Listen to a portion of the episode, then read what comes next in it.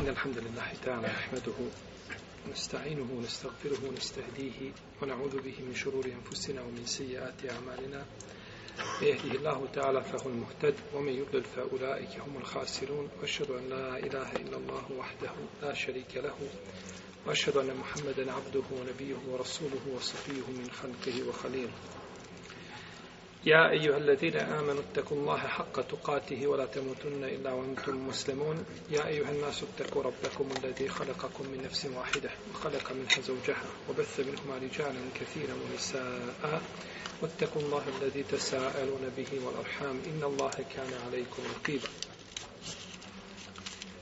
يا أيها الذين آمنوا اتقوا الله وقولوا قولا سديدا يصلح لكم أعمالكم ويغفر لكم ذنوبكم ومن يطع الله ورسوله فقد فاز فوزا عظيما أما بعد فإن أصدق الكلام كلام الله تعالى وخير الهدي هدي محمد صلى الله عليه وسلم وشر الأمور محدثاتها وكل محدثة بدعة وكل بدعة ضلالة ثم أما بعد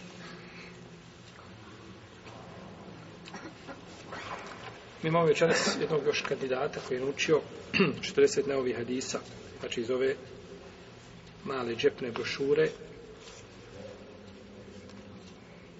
koju bi svako od vas trebao imati u svome džepu. Znači, kada si slobodan, kada sjediš kod doktora i čekaš red, kada si u tramvaju, gdje god da si, možeš, znači, čitati i učiti. To je korisno. Ko je kandidat? Hajde nam reci hadis.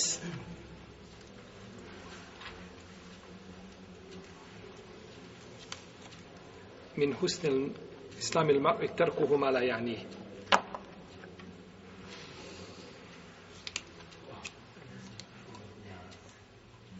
من حسن إسلام المرء تركه ما لا يعنيه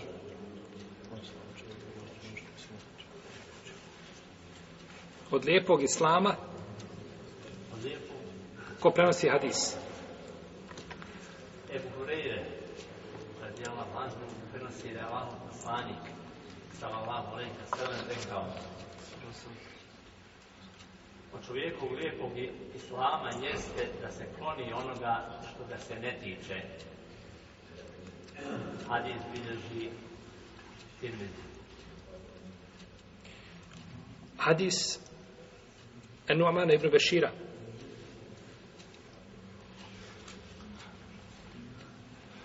Od Mana ibn Bešira, kad je Allah Mazuma, se prenosi da je ukaza, ukaza svojom rukom na uši rekao Čuo sam Allahov poslanika, sallallahu alaihi wa sallam, da je rekao zaista je haval jasan i zaista je haram jasan.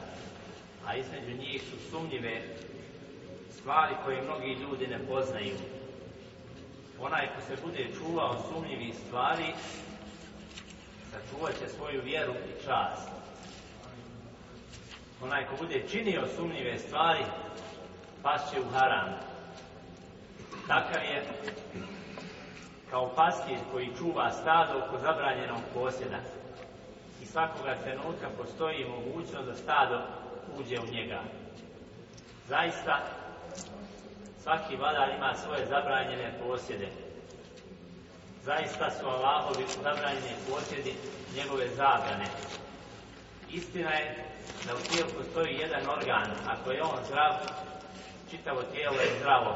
A ako on oboli, čitavo tijelo oboli. U istinu je to srce. Tako je. A ne izbježi muslim. Barak Allah.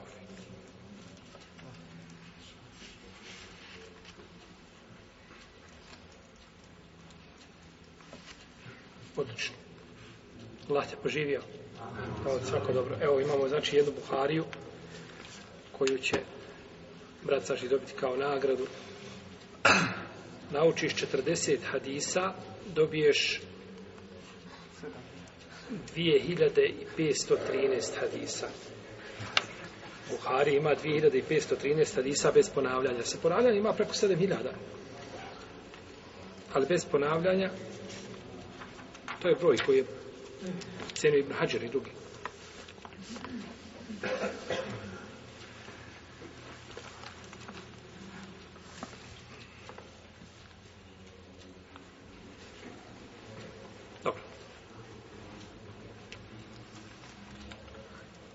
Budući da je prekinuta veza između nebesa i zemlje, u smislu objave, pa čovjek ne može znati ko je munafik, ko je iskren vjernik, prekinuto je i to direktno obznanjivanje zlonamjernih ljudi. Pa mi nemamo puta i načina da zavidimo nečije srce i da znamo šta je u njemu. Ali su nam ostala pravila i principi koje su postavili islamski učenjaci, bolje kazati, koje je postavio šerijat. Kako čovjek da provjeri određenu vijest?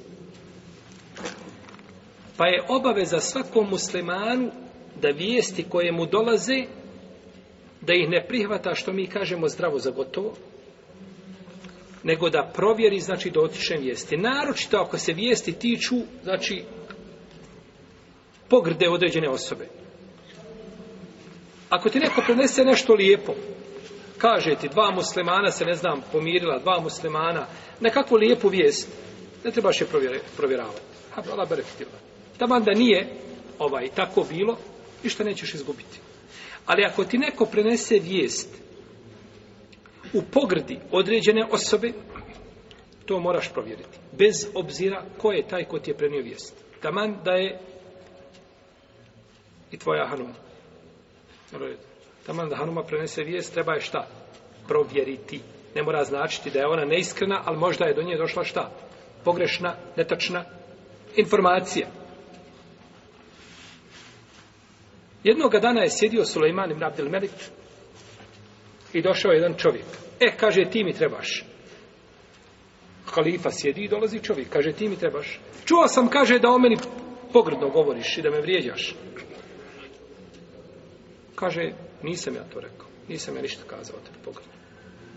Kaže, onaj što mi je prenio tu vijest, što mi je kazao, kaže, on je povjerljiv čovjek. I je to meni neko sa ulica nešao. Znam čovjeka, pouzdan čovjek, povjerljiv, prenio mi tu vijest kažemo ovaj čovjek koji je bio izrazito razuman, kaže vladaru pravovjednih, ne može, kaže, nemam čovjek koji prenosi riječ mi ne može, kaže, biti povjerljiv. Tako. Nemimet je, je li veliki ili mali grije? Veliki grije, ko se uleme? Fasik. Ko prenosi riječ među ljudima, on je fasik. I dođe ti fasik i svjedočiti. Možeš prihvatiti svjedočenje fasika? kako ćeš bio, ne, o tvoje se svjedočenje osnovi, šta ne? Ne prihvata. Ti si čovjek koji si, koji činiš teške grijehe na stepenu ovaj, onoga jer kome se prijeti ovaj, kaznom ahiretskom i od tebe se ne može šehadet prihvatiti.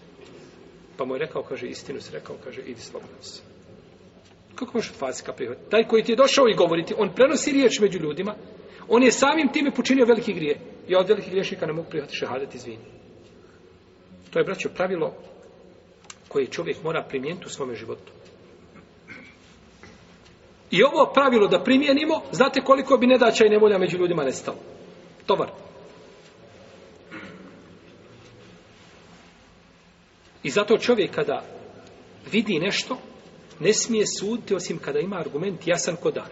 Znači, ne, ne može mu nikakva nejasnoća prići sa bilo koje strane.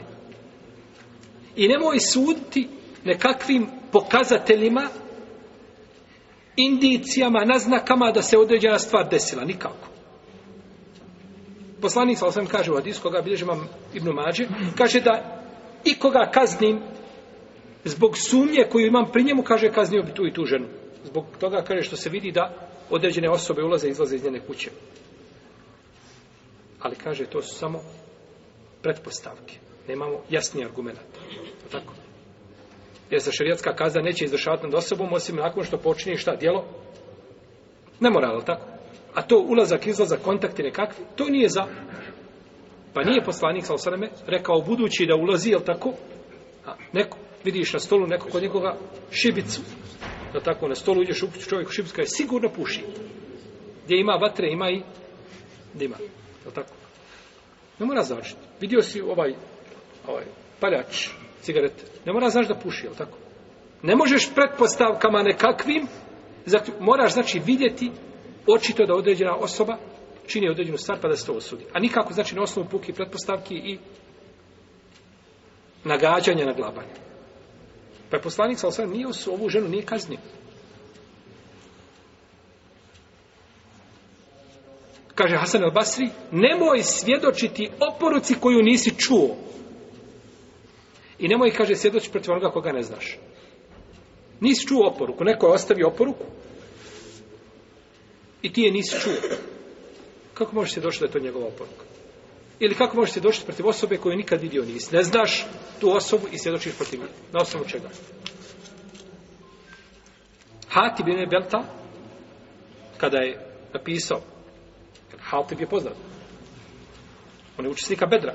Kada je napisao pismo, radijallahu ta'ala anhu, stanovnicima Mekke, mušicima, i obavijestio je dolazku poslanika, sallallahu sallam, pa kada, je, kada su uhvatili onu ženu i, i ovaj, raspravili njene pletenice i, i ovaj, izvedili pismo, pitao je poslanik, sallam, što si to uradio? Kaže Allah u poslaniče, tako mi Allaha nisam to uradio, kaže što ja mrzim islam i što ja želim kufri, nevjerstvo. Ja volim Allaha, a za ođer volim poslanika, sallam, ali kaže, imao sam među njima rodbinu, želio sam da da ih zaštiti. Omer je odma ovaj predlog dao poslaniku. Kaže Allah poslanik dozvoli, kaže da ja to završim sa njim. Da glavu sjećem tom munafiku. Pa kaže poslanik al sallam ne, on je istinu rekao. On je kaže od učesnika bedra, a kaže Allah je pogledao u srce učesnika bedra pa rekao kaže radite što želite, ja sam oprostio. Nije on, on jeste uradio stvar koja je šta? ružna, ne valjala. Ali se gleda, znači, kako je to uradio, zbog čega, nije isti onaj ko uradi takvu stvar i ko uradi to iz nekakvih interesa ili slabosti koja naiđe pri njemu i tako dalje. Pa je obaveza, dakle, da se vijesti provjeri, da se sad nije poslanik slova rekao, jesi mu napisao pismo, jes dođi vamo, završite to sa njim, nego zašto si, kako si, šta? Ispitiva vijest da znači dođe do suštine problema i da na tom, na toj suštini ispravno i gradi šta? Šerijetski propis. A ne na tome, ako je, ako je tako i tako, onda to neminovno ukazuje na to i to, a budući da to ukazuje na to i to, propis je neminovno takav i takav. A čovjek najdelje od svega to. Nikakve veze s otim njemu. Pa je čovjek obaveza, znači da vijesti provjerava, to je se prenose, i kada ti dođe vijest, ne zato što ti ulaže, utjeruješ i smatraš osobu neistitom koja je prijena, nikako. Nego želim ja da to čujem svojim ušima, jer nije čuti, nije čuti znači sam sobom kao kada ti neko prenese. A mi smo, jeli, živimo vremenu kada, kada se vijesti prenose i ovaj ljudi su krajnje, znači neprecizi u prenošenju vijesti, pa svako prihefta nešto uz ono što čuje, jedan na kraju vijesti, znači poprimi potpuno drugi oblik i boju i, i formu, tako da možemo čovjeka ponekad osuditi, na najžešćom osudom, a možda sudite mu ponekad da izviš o manok, mire slama i tome. Ne, nego provjeri za čiv jest. Poslanik sa osam kaže, kada bi se uzimale svačije riječi ljudi koji govore, kaže, otišli bi ljudski život i njovi medici. Tako došli kod Buhari u Sahiju. Uzmi od ovoga, od ovoga, od ovoga, kako ko najdje šta kaže, samo prihvati, odeše ljudski život i poubijaćemo sve ljude ili kažnjavaćemo ljude ili jel, to govorimo jel, mislimo na vlast kao vlast jel, da će kažnjavati ne nego se stvari moraju znači provjeravati dokazivati pa onaj ko nešto tvrdi on mora donijeti ko, ko nekoga sumnjiči ili, ili ga tereti za nešto mora donijeti šta dokaz a onaj drugi samo mora se zakle za to nije uradio i da kaže nisam uradio završeno i slobodan je dok se ne potvrdi jasnim argumentima da je on kriv. E onda biva, znači, procesuiran jeli, na način kako to šerijat nalaže. U protivnom, biva čovjek čist. I osnova je kod muslimana da je čist. To neka vam bude pravilo u životu. Osnova kada ima musliman za nešto da je čist. Neko ti prenio muslimanu, kažeš, on je dalje kod mene čist dok on to meni ne potvrdi ili dok mi neko ne dođe jasnim dokazom, argumentom da je šta desilo se suprotno tome. E onda kada se desi suprotno tome, znači kada se dokane suprotno tome, šta onda radimo? Onda mu pošaljemo Jeli? Koga mu pošaljemo? Ove što šalju, svaki dan neko nekome šalje nekoga. Da ga kazni, jel tako? Nije, braću. Nego onda mu tražimo 70, dok, 70 opravdi isprika za to što je uradio. Znači, nećeš mu tražiti isprike. Čuo si o čovjeku da je uradio tako i tako. Nećeš mu tražiti kako opravdanje. Jer dok mu tražiš opravdanje, šta je to znak? Da si povjerovao u vijest, da ti ne smiješ povjerovati u nju, dok je ne potvrdiš, dok se ne, ne, ne, ne ustanovi, znači idena ispravnost. Kad se ustanovi ispravnost i nema nikakve sumnje, e onda mu tražiš šta? 70 opravdanja. Ideš prvo. Kažeš, možda je zaboravio. Nije zaboravio, podsjetio sam ga ja. Možda je pogriješio nije pogriješio jer je rekao da će to uraditi. Dobro. Možda je u tom momentu bio slab, oslabio mu iman, pa tražiš, negdje ćeš se zaustaviti. Do 70. kad dođeš, negdje moraš sad kazati, jeste ima opravdanje. Kada pređeš ti 70 ovaj, razloga i ne možeš nigdje se ni zaustaviti, gdje god da staneš, ne može, nije, nije opravdanje, onda kažeš da Allah oprosti mome bratu tako je princip islama pri primanju vijesti i pri ophođenju onome što se čuva.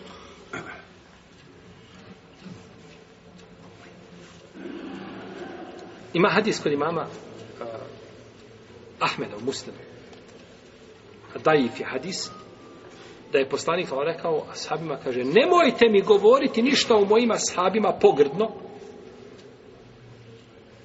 Ne želim, kaže, želim da iziđe među vas sa moja prsa čista. Ne želim da ti, ti meni govoriš kako je neko o meni nešto tamo kazao. Ja to ne želim čuti. To mene ne zanima. Ja želim da imam prema svakome lijepo mišljenje.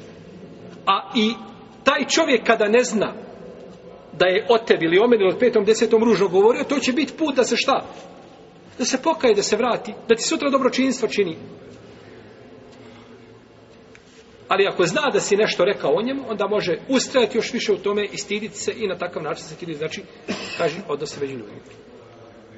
A nema među nama, braćo, nikoga da nije one kome nešto ružno kazao. Preletio svjesno ili nesvjesno. Pa kada bi trčali da sramotimo ljude, sramotit će i nas ljudi. I onda na takav način nema bratstva među muslimanima poslanik sa osam kaže u hadisu koga bližava muslim u svome uvodnom dijelu svome, svoga sahiha, nije u sahiju, nego u mukaddimi u uvodnom dijelu, kaže kefa bil mer i ismen en ju hadise bi kulima sebi. Dovoljno je čovjeku grijeha da priča samo ono što čuje.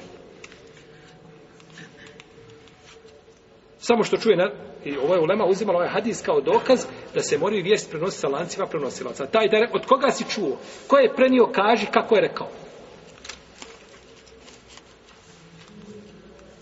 Ja, ejuha ladine amenu, in džaekum fasikun bi nebein fatabejenu. En tu sibu kao men bi džehaletin, fe tu spihu ala vafatum nadimin. Vijest se dođe čovjek, dok je prenosio vijest, on je fasik.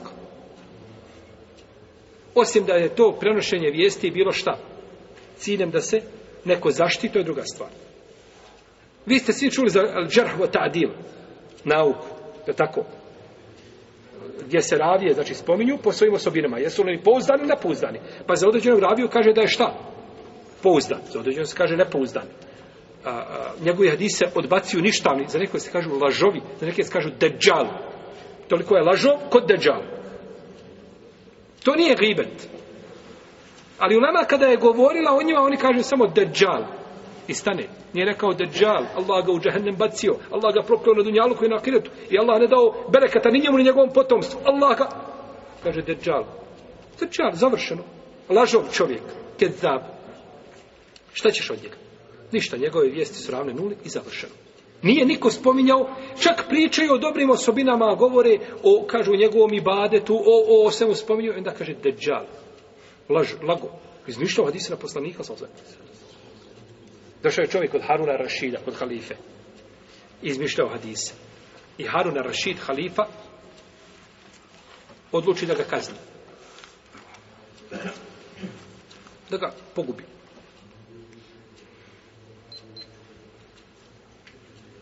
I opet ponavljam, to je pravo koga? Kalife, vlasti. To moramo stalo ponavljati.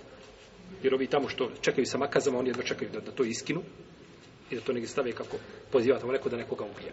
To je pravo halife islamske države, sudstva islamskog, da tako sudi. Kaže mu halifa, ja ću te, kaže, ubiti, kazniti. Kada je ga doveo da ga pogubio, ovaj se smije. Smije se. Kaže, ma kaže, halifa, radi šta hoćeš, kaže, ja sam se nalago, kaže, hadisa na poslanika, kaže, i to, to je otišlo među ljude. Ne možeš ti ništa, ništa promijeniti nećeš. Ubijaj koliko hoćeš. Pa mu kaže halifa, ti se nalago i bit ćeš pogubljen. A ja, kaže, imam Sufjana Seurija, kaže, koji će tjerati kroz rešeto. I nijedan proći neće. Svi će ostati gore. Imam ja Sufjana Seurija pored sebe, koji sve tvoje hadise uzeti i on će ih prorešetati i vidjeti što će to ostati. A ti sedne Allaha sa svojim lažima. Pa je čovjeku dovoljno laži da govori, znači ono što prenosi samo ono što čuje. Neminovno znači mora doći neistina koju ćeš ti preneti dalje i zbog koje ćeš ovaj biti pitan.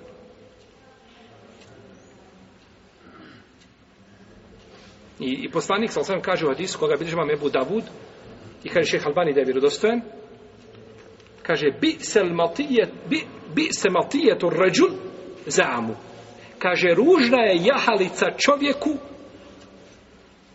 zam a zam je nekakvo sumnjičenje a ko uzjaše jahalicu sumnjičenja. On je stalno nekakvim sumnjama i šubama oko njega. Koga god da vidi, on ima odma priču nekakvu za njega, kod nekakve ga kalupe tijela i nekakva pravila koja on postavio. I na kraju taj ne može nikako izaći čitav.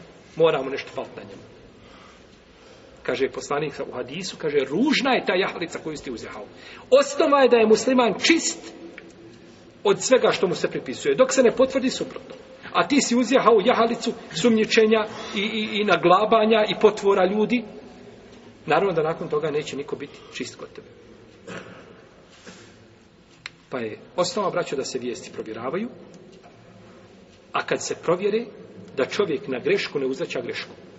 Kada je čovjek došao Hasan al Basriju, pa kažem, ovaj, dugi ga izvrijeđao, sa što mu izgovorio, ružno se ponio prema njemu, kažu mu prisutni, a kaže, zar mu nećeš sad vratiti? Pa kaže, zašto onda učim znanje?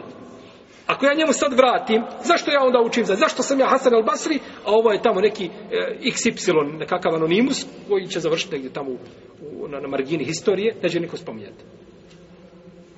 A tako i ti. Neko priča o tebi grubo, ružno, i ti mu vratiš na isti način. Imaš pravo šerijatski, u redu.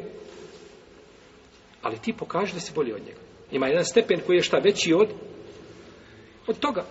A to je da pređeš preko toga i da se ne poneseš kao što se, kao što se on ponio. U protivnom se poistovjetio sa njim. Jeste. Mi smo došli u našem zadnjem predavanju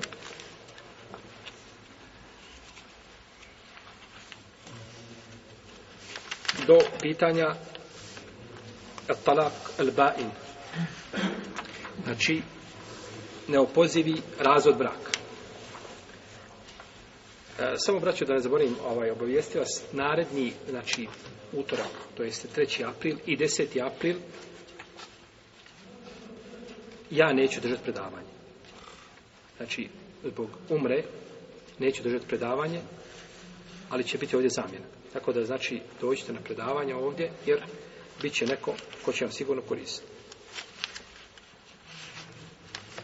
a ja vjerujem da sam vama i dostavio Thank you. Pa će doći neko, znači, ko, ko će, od koga će se koristiti, a ja sam tražio da spomenem ime, ali dalje rekao nemoj spomenuti. Tako da, i doista, pa je to bit će iznenađenje. U svakom slučaju, mi se vidimo ponovo 17. aprila. Šalo. Yes. Dobro. Talak bain. Neopozivi razvod braka. To je razvod braka u kome čovjek nema pravo da vrati svoju ženu.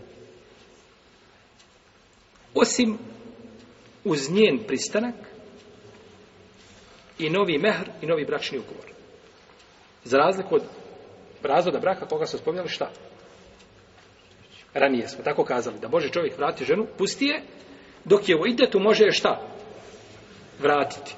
Pusti je danas, nakon 5 dana, 10-15 pokaje se i vrati je. Nije problem. Ali ova vrsta braka ne može on vratiti tako. Sad i ona se pita.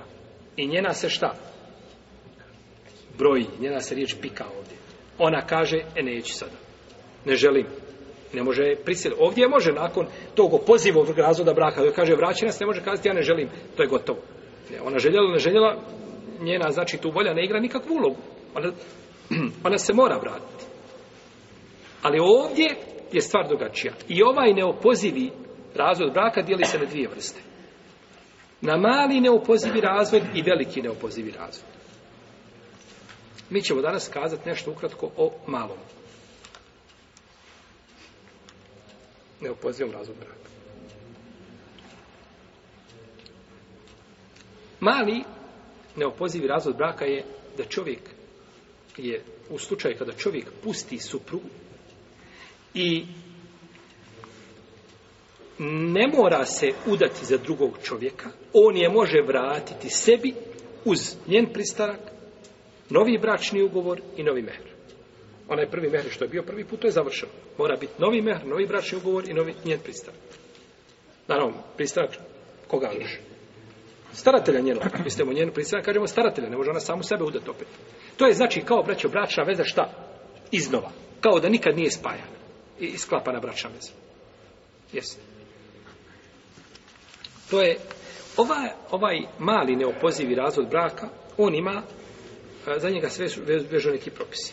Prvo, to je prestanak, pazite, to je prestanak aktuelne bračne veze, ali nije prestanak dozvole spajanja nove bračne veze. Jer jasno, oni su trenutno u braku, on je razveo, ta bračna veza je prekinuta. I oni više nisu šta? Šta? u braku. Kada smo govorili o pozivom puštanju, kazali smo šta? Kada je pusti, on je nju pustio, ali nije bračna veza u potpunosti šta? Prekinuta. Jer on ima pravo da je šta? Vrati kada želi. Ne može, ako ima četiri supruge, ne može, zbog toga što je nju pustio, dok je ne istekne, izdete šta? Ne može ženiti? Narednu, drugu, ili to bi bila onda pjeta. Broji se šta? Suprugom. dok ovaj i najviši dokaz da se broji suprugom je što što je vraćaj ne treba ne treba mu šta novi bračni ugovor. Za razliku od ovoga braka. Ovdje znači treba mu novi bračni ugovor, treba mu novi mehr i treba znači pristanak njen, odnosno pristanak staratelja. Pa je to bračna veza šta? Iznova. To je bračna veza iznova. Ovdje pri, ovoj, pri ovom razvodu prestaju sve, svi detalji ili momenti vezani za brak, osim izdržavanja supruge ako je trudna. Ako nije trudna, tu postoji razilužaj među lemom, govorit ćemo, doćemo do toga. Ako je trudna, po konsensusu leme, dužan je da je šta? Da je izdržava. Može li vratiti je onda? Molim? uz novi ugovor. Ashabul Jemin, desna strana. Ne može je vratiti, braću. Ne može u nju, nema on pravo da je vrati. Ovo je, on, ima, on, on nju izdržava zato što je šta? Zato što mu nosi dijete. Njegovo je dijete, mora izdržavati. Ali nema pravo da je šta? Vrati kao suprug. A ako nije trudna, da li je dužan da je izdržava, tu je razilaženje, ali opet nema pravo da je šta. Da je, razumijete?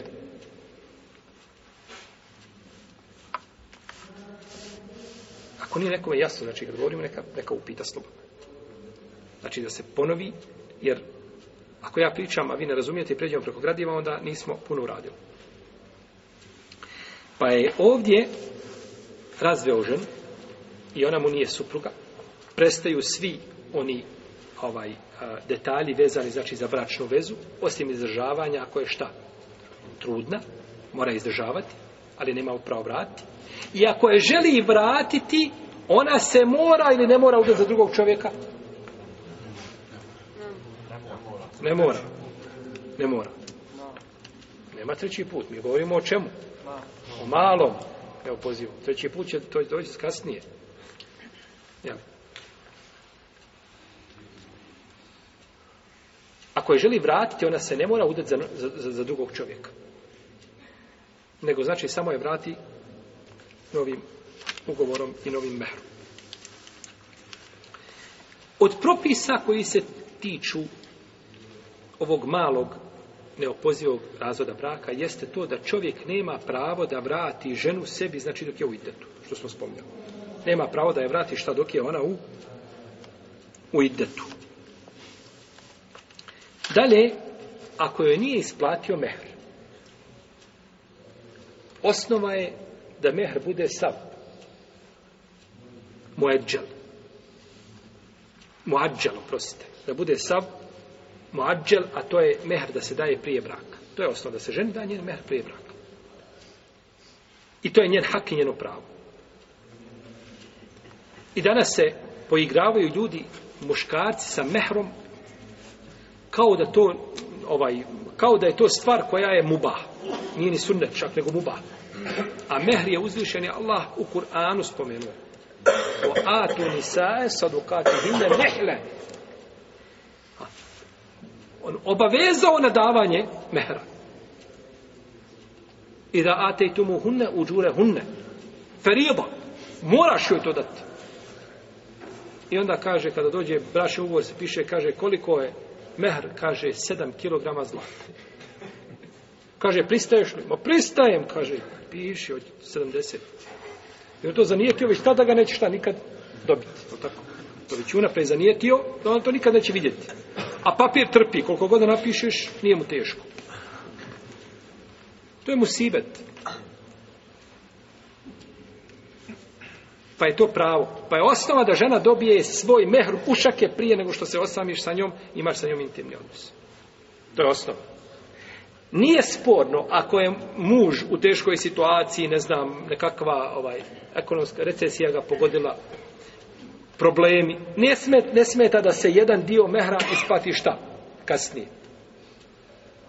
Ali ako se mehr ne definiše kada će se platiti, To je problematično. Kod Hambelija i kod Hanefija prije toga, oni kažu prvi od dva je džela. Ili razvod braka, ili smrt. Šta prije toga dođe? Ako je razvede, tada je dužan da isplati. Ako on umre, uzima šta iz njegovog nasledstva, potom se imovina šta? Dijeli. Ona uzme svoj imetak, potom nasleđuje od muža koliko? osminu, ako je imala sa njim djece. A ako nije imala sa njim djece, onda četvrtinu. Znači, odnosno, bolje kazati, on ako ima, on, a on ako nema djece, ona uzima četvrtinu, ako ima, onda uzima osminu. Pa je uzela u tom slučaju šta svoj mehr i tek se onda njoj dodjeluje šta? Udio iz, iz nasledstva. To kažu tako Hanefije i Hanbelije. Dok Šafije i Malikije to ne priznaju. On ne, mora biti određeno, znači, kada se mehr daje. Čak ulema neka ne priznaje da, da bude, ovaj, i veliki broj uleme, većina uleme ne priznaje da bude nekakva nejasnoća. Kažeš, mehr će biti kada se neko vrati tamo sa puta. Ili zbog, zbog te velike nejasnoće, kažu, to ne vrije, mora se definisati. Pa ako nisu definisali, ovdje po mišljenju Hanefija i Hanbelija, a, mehr se daje ili razvodom braka ili pa ako je pustio ovdje razveo je neopozivo tada joj mora isplati mehr koji je ostao bilo da je sve iako je najbolje supruzi dati bar nešto mehra prije stupanja u kontakt intim nešto da se da bar sitnica bar pet maraka bar marka pa onaj ostali dio da se nekada da nema smetnje iako je dozvolio veliki broj uleme, znači da to bude i na početku sve, na kraju sve, da se ovaj podijeli nije problematično. I ako nije definisano i ako nije dao, tada kada preseli, odnosno u ovom slučaju kada je šta razvede, ima pravo da dobije svoj šta. Mehr. I to ima pravo, znači da ide kod kadije šerijatskog i da prisili čovjeka da joj da mehr. Moraš dati mehr. Pa će ako radiš, Sva kao ovdje, tako, nekome si dužan, nekoj firmi nešto radiš, dolazi plata, ne, svaki mjesec još toliko znači plaćati da rate, ali moraš platiti njen hak. To je njeno pravo koje je uzvišen Allah zabilježio i Allahu je proklestva na svakoga ko uzima pravo supruge u tom pogledu. Jeste. Dalje, nema među njima nasljedstva. Jel u redu? Čovjek pustio ženu, neopoziv. Neće ga šta? Nasljeđi. Zato što mu nije šta? Nije mu žena. Dobro, pustio je opozivo. Šta je onda? Jer ona mu vrijedi kao supruga u tom slučaju. Vrijedi njima je, znači, bračna veza se još uvijek veže za razliku, jer kada je pustio, znači, neopozivo, gotovo bračna veza, istog momenta prekruta. I ne može, znači, ovaj, među njima, znači, nema nasledstva, i nema drugih propisa koji se tiču jeli, ovaj, supružnika. Jer ne može, znači, on ne može, znači, ovome momentu je ne može vratiti. Da tako? Ne može vratiti. Odnosno sa, šta, sa njenom, njenim pristankom, da tako. Dalje, od propisa jeste da se čovjeku računaju ovi razvodi braka. Čovjek ima pravo da razvede svoju suprugu koliko puta? Tri puta. Prvi put razvede pa je vrati, drugi put razvede pa je vrati, treći put kad razvede ne može vratiti. Osim na način kome ćemo god kad dođemo do njega. A to je pri čemu? Pri velikom neopozivom šta razvodu? Brak. Jesu. Čovjek kada razvede svoju suprugu, neopo... a govorit ćemo, doćemo sad do slučajeva kada je to, šta, neopozivo. Sad možete okazati, dobro, a kada je to neopozivo? Ne, ne znam kada je, doći ćemo do toga. Sada govorimo samo kada je razvede. Neopozivo i nakon toga jedan put ili dva put i ponovo sklopi bračni ugovor sa njom, kada je sklopio bračni ugovor sa njim, računa mu se ono šta što je ranije radio. Znači razveo ženu jedan put, neopozivo. Razveli se, nakon desetak dana vidi, ovaj, ne ide tako, nije imao pravi razlog i telefon je nazove ženu. Izvini, halali, ja sam preletio, pokajao se. Pokajnik. Muž pokajnik. I kaže, ja bih da mi ponovo iz početka, nova stranica nekakva, jeli, ona priča standardna, tako, pa ponavljaju samo muškarci, ko papagaj. A kada se vrati opet, većina i na, na, na isto ne ilazi što je radio i prije toga. I kaže, ja bi da mi iz početka idemo. Dobro. I ja se, kaže, slažem. I ja sam pogriješila, i ja se slažem, nije problem. Kada je oženio, on ima pravo da je razvede još samo dva puta. Računamo se što onaj prvi razvod. Znači, sad taj novi bračni ugovor, on nije izbrisao šta? Ono prvobitno stanje koje je bilo među njima, a to je da je dao jedan razvod. Ako je razveo dva puta i sad je oženio, ima pravo samo još jedan put da je pusti i to je to završeno. Jel u redu? Znači, nema više pravo da je vrati osim putem šarijetski koji je propisan. Pa je pa se računaju, znači šta? Sve što je čovjek pustao prije toga svoju suprugu.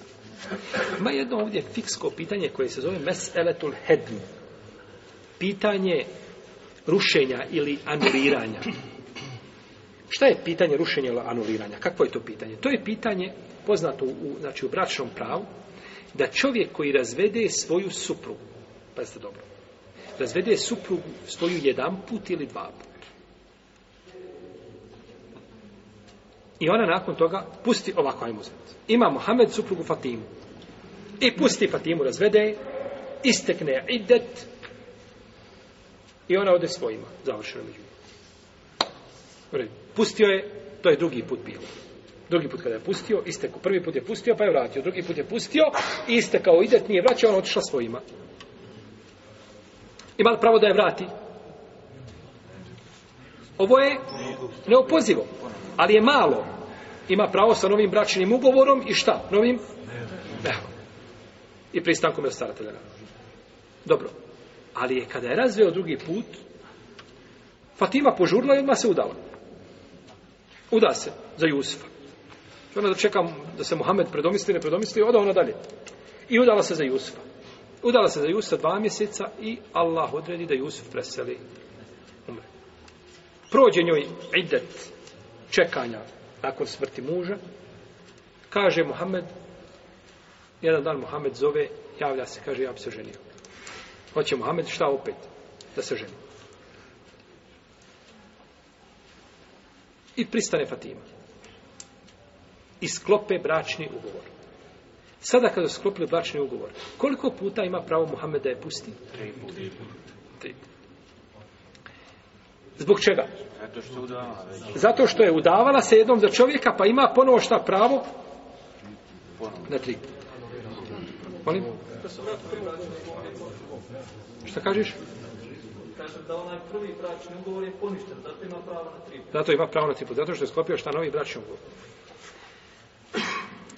Kod većine uleme taj novi bračni ugovor nije poništio ono što je radio prije. Jel Znači da je od većina uleme vidi mali veliki problema. A da je sa nama imam Ebu Hanife, on bi se složio sa vama, rekao tako, vi ste pravi moji sljedbenici. Ulema se je tu razišla, braću. Ulema se je razišla po pitanju broja tih razvoda, da li šta? Da li će, ne govorimo o čemu? O jednom i o drugom, ostavite tri pustanja. Tri, tri, tri pustanja zaboravite. Čovjek koji pusti svoju suprugu, tri puta je razvede, pa je oženi drugi čovjek i stupi sa njom u intimni odnos. Potom je razvede. Pa je oženi onaj prvi što je bio, on po konsensusu uleme ima koliko pravo? Tri. Tu nema raziloženja. Mi govorimo o kome? O čovjeku koji razveo jedan put ili? Govorimo o malom šta? Ne o pozivom. Ostavite veliki. Veliki je došao kuranskim ajetom i tu se nikad ulema razišla nije. Mi govorimo o malom. O malom, kada bi čovje, žena se udala nakon prvog ili drugog razvede, pa se uda, pa je oženi ponovo prvi, tada većina uleme kaže da, znači, nema pravo da je, odnosno, da mu se računa ono jedno ili šta dva pustanja koja je bila prije, ili koja je bila prije toga. I to je stav Omer ibn Hataba, Imrana ibn Husayna, i Ebu Hureyre, i Sejde ibn Museiba, i Hasan Basrija, i Theurija, i Malika, i Šafija, i Ishaka, i Ebu Ubejda, i Ebu Theura. To je jedan rivajatelj imama Ahmeda i druge uleme. Oni kažu a, fe in tallakaha fe la tahillu lahu min ba'du hatta tenkiha zauđen gajra. A ako je razvede, nije mu dozvoljena kome? Tom prvom. Hatta tenkiha zauđen gajra, dok se ne udla za drugog čovjeka.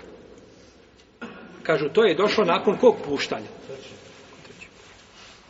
Pa je došlo da se ruše ona prva tri puštanja nakon kog puštanja? Nakon trećeg. A za prvi i za drugi, kažu, nemamo dokaze. Pa ko hoće da uklopi u to i prvi i drugi i mali, znači neopozivi mali razvod braka, kažu, mora imati šta? Mora imati argument. I došao Ebu Hurere Omar radi Allah, on kako bih imam šafi u svome muslimu, ste ispravni lance, prilasilaca. Ebu Hurere je došao koga? Kod? Omara. I kaže mu, čovjek razveo ženu prvi ili drugi put, pa se udala za drugog čovjeka, pa je razveo ili je umro, pa mu se ponovo vraća prvom. Kakav je propis? Kaže, vraća mu se na ono što je imao sa njom od razvoda. Računa se, znači ono što je imao. To je prvo mišljenje. Drugo mišljenje zastupa imam Ebu Hanifa, rahimahullahu ta'ana, i prije su njega odobrali od Ashaba ibn Omar ibn Abbas i Ataj Nehaj i Šurejh I to je jedan rivajat od imama Ahmeda. Oni kažu, ne, e, kaže, ta nova bračna veza anulira sve i vraća na početak. I vraća na početak. Zašto? Kažu, ako može novi bračni ugovor, odnosno novi bračni ugovor sa drugim čovjekom i kontakt sa njim intimni, ako može poništiti koliko? tri puštanja, onda može jedan i dva. Preče da ih poništi. Preče da ih poništi. Pa su uzeli, znači, a, kao pravilo da bračni ugovor sa drugom osobom poništava ono što je bilo šta sa prvom. To je pravilo tako uzeli. Kada se gleda razumno, mišljenje Buhanife preče. Razumno. A kad se gleda argument, onda je mišljenje većine preće. Jer razumom kad sudiš samo, Ebu Hanifu misle mišljenje jače. Ali ako se vratimo na argument, onda ovi učenjaci kažu, mi imamo argument za tri. A šta ti je argument za dva? Analogija. Mora znaš da je ta analogija ispravna? Labo Pa kažu, ostaje osnova da je on ju šta pustio? i da se to računa. Ako ti hoćeš da u ovome slučaju to negiraš, daj mi dokaz. Ako nemaš dokaza, ne možemo razgovarati. A ajetom kaže, ne možeš to negirati jer u ajetu spomenuto izreći to šta, tri, tri puta. Tako da je pitanje, znači, od koga se ulema razvijela se. Dobro, kada se određena stvar računa da je talak bain, odnosno bejnune sugra, kada će biti ta mala neop, mali neopozivi, znači razvod braka? Kada će biti? Biće u u nekoliko slučajeva. Prvo će biti kada čovjek razvede suprugu prije intimnog odnosa.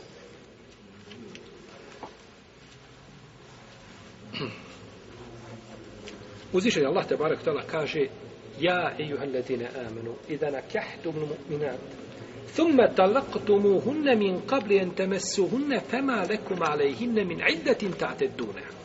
Kaže, o vjernici, ako oženite vjernice, potom ih pustite prije intimnom kontakta, one nemaju pričeka koji će čekati, nema ideta. I ovo je braćo konsensus u Leme. Čovjek oženio ženu, potpisao bračni ugovor. Je li mu odmah postala žena istog momenta kada je potpisao bračni ugovor? Je li mu žena? On je odgovor za nju u svakom pogledu to što nije priveo, što nije napravio, ovaj, možda nije još stan uredio, dotjeruje stan, kreći ga, oprema ga, nije bitno šta je, ali ona je njemu supruga. Kad iziđe iz kuće od svoga babe, nije propisno obučena ili nešto je nakaradno, ti se odgovore za to. To je tvoja supruga. Pa kaže, kaže ovdje uzvišenje Allah, kaže i o vjernici, kaže kada oženite vjernice, potom ih razvedete prije intimnog kontakta. Pa kako je onda oženio? Čim je oženio? Ženio ugovorom bračnim, jasan ajed ko dan. I zato se Ulema ovdje nije razišla. Pa je pusti prije intimnog kontakta, ona nema i deta. Ovako. Muhammed oženio koga? Fatim. Nećemo dalje od Fatim. Oženio Fatim. I bila ona, jeli, svadba velima, sve je bila, ljudi jeli, pili, izišli oni napolje, izlaze iz sale, I otišao Mohamed po auto da uzme Fatimu da idu kući u stan. Završeno sve. Jel u redu?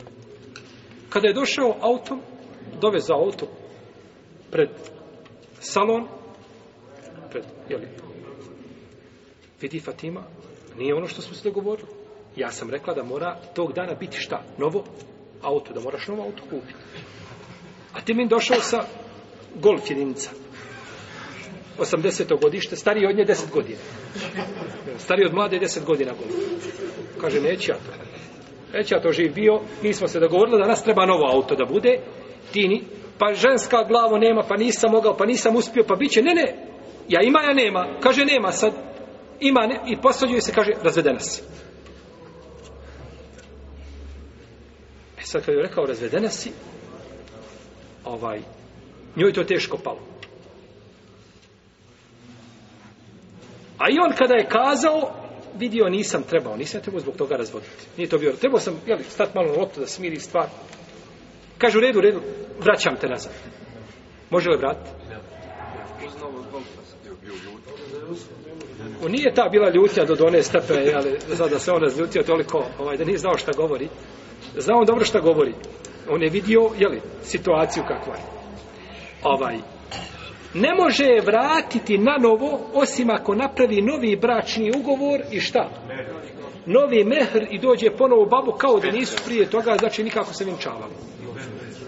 I dođe jeli sa BMW-om. Ovo je nova ponuda. Znači, ne može je vratiti zato što je razveo prije čega? Odnosno. Ja broj, A dobro, zašto ona nije imala i teta ovdje? Zato što nije A šta ti je dokaz za to da nema ideta? Ne može biti trudna. Ne može biti trudna. Tako ajed kaže, ne može biti trudna.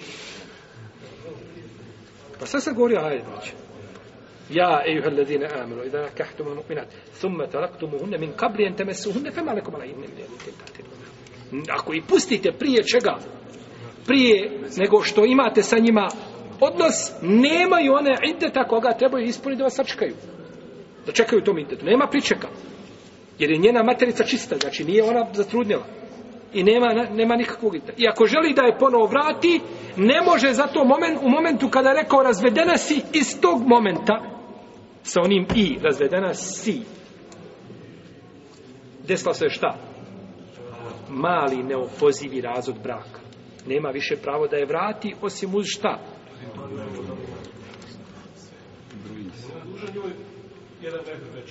Ostavi to. To je dugo. Ona u tom slučaju, to je, mi smo godili, smo godili mehru, govorili smo o tom pitanju. To, ona u tom slučaju ima pravo na pola mehra. Znači ima pravo na pola mehra. S tim što ima razilžaj među ramom, ako se osamio sa njim, ili se nije osamio, to je bilo pitanje kako dali za... Ja računam, braću, sve što smo prešli, ste ono zapamte. U redu. Mehri je druga ovdje. Ovdje govorimo sada o pitanju čega? vraćanja. Po pitanju znači vraćanja. Pa nema pravo da je vrati zato što je šta? Desa se malo, neopozivo, puštanje supruge. Koje se e, To malo neopozivo, on ode kući, kaže, ja bi tebe vratio kad izlazi od da šejh sa turbanom. Kaže, šta je bilo? Kaže, tako i tako. E, kaže, ne možeš nje vratiti. To je fetva, u redu. Ne možeš je vratiti. Mora šta? Novi bračni ugovor, novim.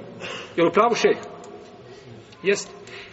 I sutradan kaže, nije problem, vi dojste sutradan, iskupite se i ponovo će napraviti, opet ćemo napraviti još jednu svadbu, nije problem. I dođe šejih, napravi novi braći ugovor. Kada se spojili, računali mu se ono prvo puštanje. Računali. Jemu se računa, znači ono prvo puštanje i ubraja se, znači, u njegov bonus od tri puštanja. To je njegov bonus. A ako pređe taj bonus, onda tu ima onda udjela i drugi. Jer mora šta? Mora da se uda za drugoga, tako? Yes. Dobro. Ima jedan dio uleme, kaže, ako dođe da ovo sam uzeo Muhammed Fatimu, sjelon ono u auto, jeste vidjela Fatima Golfa 1, ali progutala. Hajde, nema veze.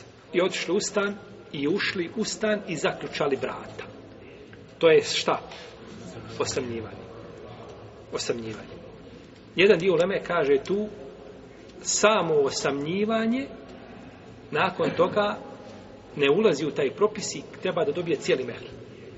Iako kod većine uleme, suprotan propis tome. Čak hanefijski učenjaci koji kažu da je da je osamnjivanje, ne kažu da je osamnjivanje, oni kažu da je to, da, da će biti, znači da će biti taj jeli, ovaj, a, priček, da će biti radi a, sigurnosti, a neće biti kao pravo da je šta?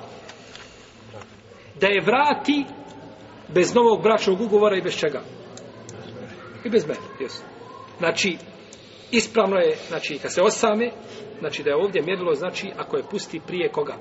Jer se u ajetu kaže, ha? Thumme talaktumu hunne min kabli entemesu hunne, fema lekum alejhinne min iddetin tate dunea. Ajet ja sad. Prije nego što ih dotaknete, lems je doticaj, ovdje je to došlo kao simbolika za odnos. I to je, to je, ovaj, ako možemo kazati tako, edeb Kur'ana možda nije nije najpogodnija ova ova izre, e, izreka ili ovaj fraza, ali znači tako Kur'an ovaj znači spominje određene stvari, znači ukazuje na njima na na na ovaj simbolično znači na ono što obično ljudi stide se da spominju. Tako spominje u Kur'anu el gaid. A el gaid je a, e, dolina nekakva uvala. Kad se neko od vas vrati sa gajeta, vrati se iz doline uvale, otišao da obovi šta? fiziološku potrebu, je li tako? Ali Kur'an to tako ne spominje, nego to spominje znači sa posebnom, znači etikom. Jesu. Dobro. To je znači prvi slučaj kada? Kada? Ako je razvede prije čega? Prije intimnog odnosa. Znači to je prvi slučaj kada će biti šta? Mali neopoziv razvod braka na što smo sad došli? Ono što smo prije spomnjali, tako vi ste, kad smo govorili, znači govorili smo ovdje, smo govorili, znači o propisima koji se tiču koga? Malog neopozivog puštanja. Ali ne znamo kada se to dešava, u kojim situacijama. E, prva situacija je kada? Kada se desi razvod braka prije intimnog odnosa. Dobro. Drugi slučaj je kada bude razvod braka uz otkupinu koji se zove hulak razod braka znači uz otkupinu.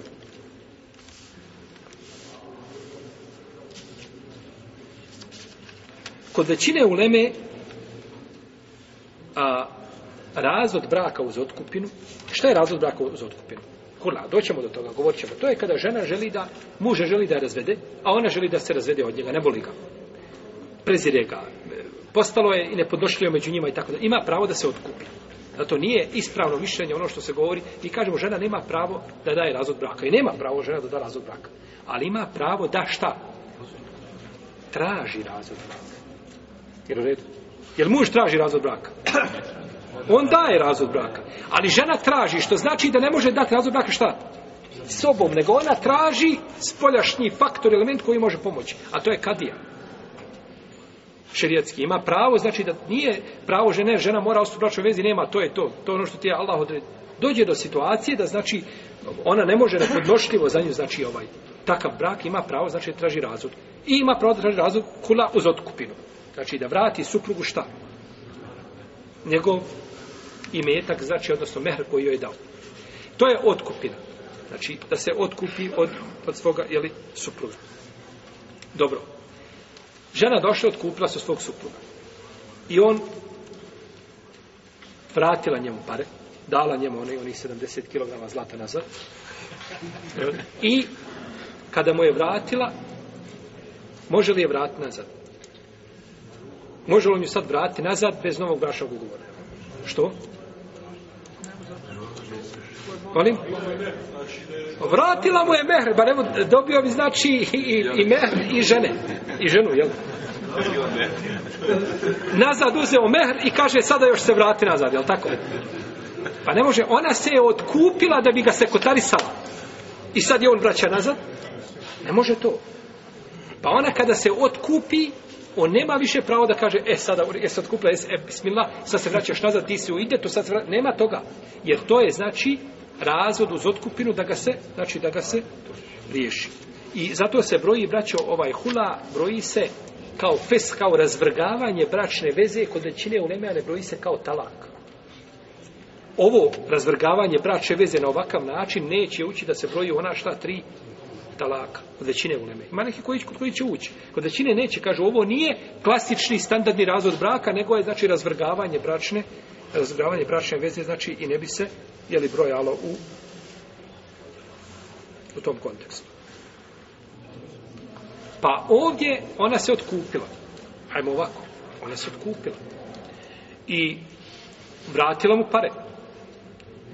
Prošao idet. I ona ode svojima. Imali pravo sutradan da ode da je nakon ideta da je zaprosi sa novim bračnim ugovorom mehrom? To me nema smetnje. To se stvar pogled kako je šerijat ostavio ljudima, nije znači da ne govorimo ono što su sebi zabrali kršćani. Ovaj od, od ostavljanja žene ženje nego ostavio je toliko elastičnosti u šerijat, toliko elastičnosti znači ima da tvoja supruga znači bivati znači uvijek dostupna je li imaju granice naravno ali nije bilo jedan put ako razdeliš jedan put to ti je tvoj ovaj hak koji si imao nakon toga gledaj sebi novu sreću nego ima uvijek mogućnost da se čovjek šta da se čovjek ponovo vrati i da iznova počne bračnu vezu. Pa čak i ovdje ona se otkupila, ne mogu zajednički, razveli se, vide kako je jedno bez drugoga i onda se ponovo šta prate i zajednički znači žive, nema nikakve smetnje, uz novi bračni ugovor znači i novi mehr, s tim da će se računati sva ranija šta puštanje koja je bila, bila jedan ili dva, osim kod džumhura u Leme, šta se neće računati? Desna strana. Hula, otkupina, kod njih se neće kaže računati, a to je razvrgavanje, a nije, znači, klasični razvod braka. Isto tako, a, ako dođe do razvrgavanja bračne veze, ne otkupinom, to je, znači, to bio treći slučaj, dođe do razvrgavanja bračne veze ne otkupinom, nego iz drugog nekakvog razloga. Znači, drugi razlog bude zbog koga će, na primjer, žena ima mahanu nekako. Ili on ima mahanu imate znači mahana ovaj koje su koje su neprihvatljive kod žena. Žena se udala, pokrila se, mašala, došla kući. Kad se počela ovaj raskomotila se malo sve isto tovirana zamislite to. Ovaj, a, taj čovjek, kako će po on, on, on će, noćne mora imati od nje, tako? Kako će živjeti s tom ženom, sva, svug je ispisano, ne znam, pjevači, igrač, plivači, vidu ko već nije po tijelu, ali ona se, pa ti se pokajala, to je u redu, to je zbog tebe, Allaha, nije problem nikakav, Allah će od tebe, tebi će primiti sva tvoja dobra djela i neće to, neće te pitati da sudnjem danu, ako Bog, ako si iskreno pokajala. Ali si suprugu bila to dužna šta da? Spomeni, što smo morala kazati. Ne može, znači, nisi, nisi to smjela pritajiti ni u kom, znači, slučaju. Upr I tada onda će biti razvrgavanje braće veze. Ili on ima nekakvu mahanu. On ima mahanu, znači, da ne može, znači, ovaj, udovoljiti, znači, potrebama supruge i sl. tome. Znači, ima, kada dođe određene, imaju određene mahane koje se tolerišu, u redu. Znači, tolerancija je ta, nekakav čovjek prebio nekada ruku, stavio gip, zarasla ruka i, i ovaj, oženio se i ona kaže, a što mi je iskadao da s tim oslovnjenu ruku nekada damo? to je mahana koja se ne spominje, to, od toga nije čist niko. Ili ima tri plombe u, ne znam, u kutnjacima i slično tome. To su mahane koje se ne spominju, sitnice, koje sva, niko od nije čist. Ali ako se radi o nekakvim krucijalnim stvarima, dužan je bio da to spomene. Žena živjela, ne znam, vanbračnim životom ili bila prije toga u bračnom životu, udavala se, nije bitno. I nakon kad se udaje, ne spominje mu to. Čak i da nije pitao, ti si dužan šta da? Kaže, pa nije me pitao. Ma nema veze što ti nije bio pitao, ti si dužan, to šta njemu spomeneš u povjerenju da kažeš boj se Allaha, kod mene ima mahana takve i takve prirode i da mu kažeš, pa ako on pristane, ja se, ako ne. Ali da, da, da mu to podvališ i, i da ga tu prevariš, to nije, jer to je krucijalna stvar, jako bitna za koga? Za muškarca i za bračnu vezu nadalje. Ali ne znam, ovaj, desila se nekakva nekada sitnica u osnovnoj školi, tamo se dopisivala s nekim momčićem nešto na papir i tako dalje, nakon toga prošlo vrijeme, jeli, pokazati. To su sitnice, znači, preko koji se šta? Može preći. I ovo je pravilo, znači, vraća se na običajno pravo. Jer neke određene stvari u određenim podrebima šta? Veliki problem belaj, ne da će. Za razliku od, jel tako, ovaj, od drugih podneblja. Pa ono što je obična mahana, u Bosni i Hercegovini, to je velika mahana možda u nekakvoj zemlji gdje, gdje, gdje je šerijat jači, odnosno gdje se muslimani više drže svoje vjere i tako. Pa se tu gleda, znači, običajno pravo. Pa ako dođe u ovome slučaju, znači, do razvrgavanja a, bračne veze, isto tako nema je pravo vratiti. Ili je nanosio nekakvu, ne znam, udaro je. Udaro je i kad je razvrgnem bračnu vezu, nema on pravo nakon toga kad želi da ju vratiti.